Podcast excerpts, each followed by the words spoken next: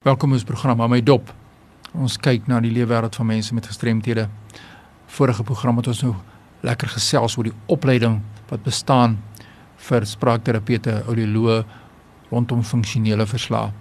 Maar oor die feestyd het daar baie mense na vore gekom en gepraat oor die regte en die regte van gestremdheid, regte oor van gestremdes in die praktyk en dis meer. Dis baie interessante onderwerp. En wat iemand sê maar daar's so baie kursusse. Mense woon so baie kursusse by. Mense leer so baie. Mense is so hoogs intelligent. Jy kan na dokter Google gaan en jy kry alles net so voor jou pop dit op. En ons lewe in 'n moderne era, maar soms sê ons dat ek amper 90% van alle mense met 'n sigverlies met siggestremdheid is werkloos, meer as 90%. Hoekom is dit so? Meer as 80% van mense wat gehoorverlies en doof is, het nie werk nie is dit omdat daar glad nie werk in elk geval nie is nie of is dit dat mense daai mense glad nie 'n kans kry nie. So daar's maatskappye wat gedwing word natuurlik in die staat rondom die 2% in diensneming van gestremdes. Dis nie naaste by daar nie. So sommige maatskappye en staatsinstansies het nie eens 0,05% mense met gestremdhede in diens. Waar lê die probleem? Wat word dan nou van die regte van mense as mense dan nou so slim is? Nou ek glo wat Pierre Mancini sê, hy sê social change is not going to come from just knowing more information and knowledge what comes from doing something with it. En dis so waar. Ons maak nie 'n verskil op sosiale vlak deur net meer te leer en te leer en te leer nie.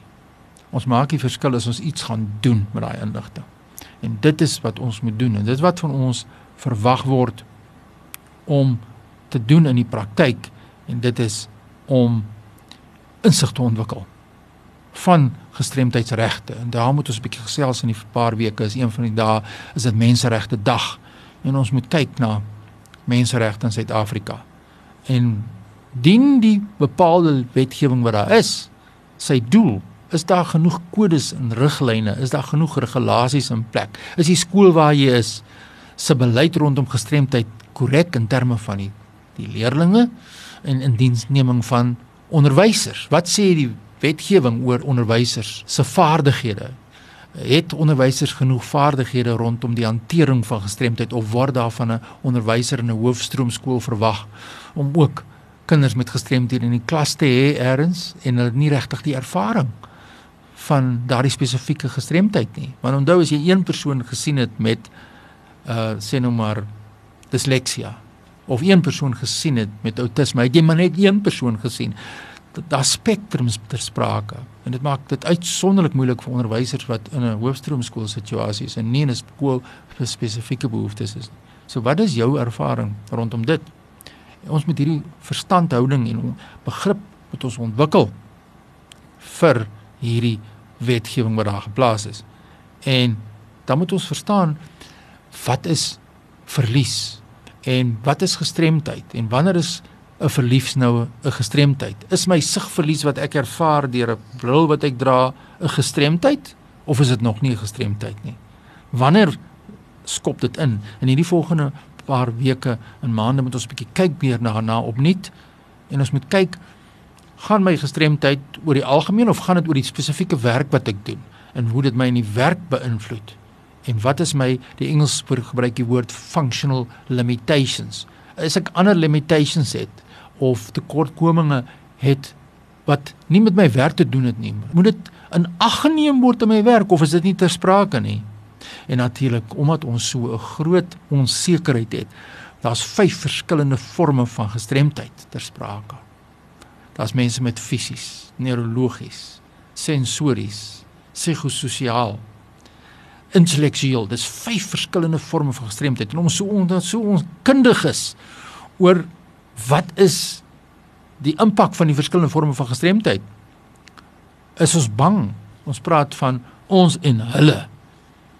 Ek het vanoggend op pad na die ateljee stop ek by die garage en ek kry 'n oproep En as iemand wat by 'n groot instansie werksaam is, 'n staatsinstansie in Suid-Afrika en die persoon begin vir my verduidelik. Sy lei, sy's 'n offisier in daardie spesifieke beroep en sy lei aan 'n siekte toestand wat haar hypersensitief maak vir klank. En sy is in trane en sy sê lank storie kort, dit benadeel haar werk geweldig. Sy werk in 'n waaiere plek. Sy kan nie vorder na die plek nie. Maar wat sy toe vir my sê is wat die ergste vir haar raak is dat die kollegas spot haar. Hulle weet sy kan nie klank hanteer wat 'n hoog van aard is nie. Nou kom hulle in die kantoor en dan sit sy rustig en werk en dan gaan hulle so eentjie vanaand dan begin hulle 'n bossleutel so te ritsel. En dan kyk hulle, hoe lank kan hulle die bossleutel so rits en heen en weer skud dat daai klank haar kan begin irriteer. Wetende dat sy sukkel met daardie hoë klanke wat sy sukkel mee.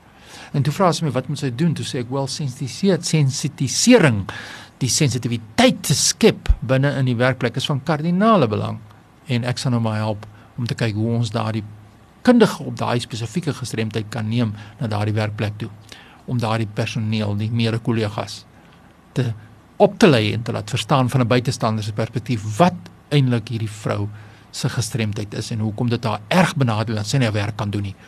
Ons gesels volgende week verder oor terme en insluiting en die regte van persone met gestremthede. My e-pos is fani.dt@mweb.co.za. Stuur vir my jou uitdagings in die werkplek of natuurlik ook hoe pragtig jy geakkommodeer word in die werkplek. Want maak nie my fout nie, baie mense word pragtig geakkommodeer binne in die werkplek.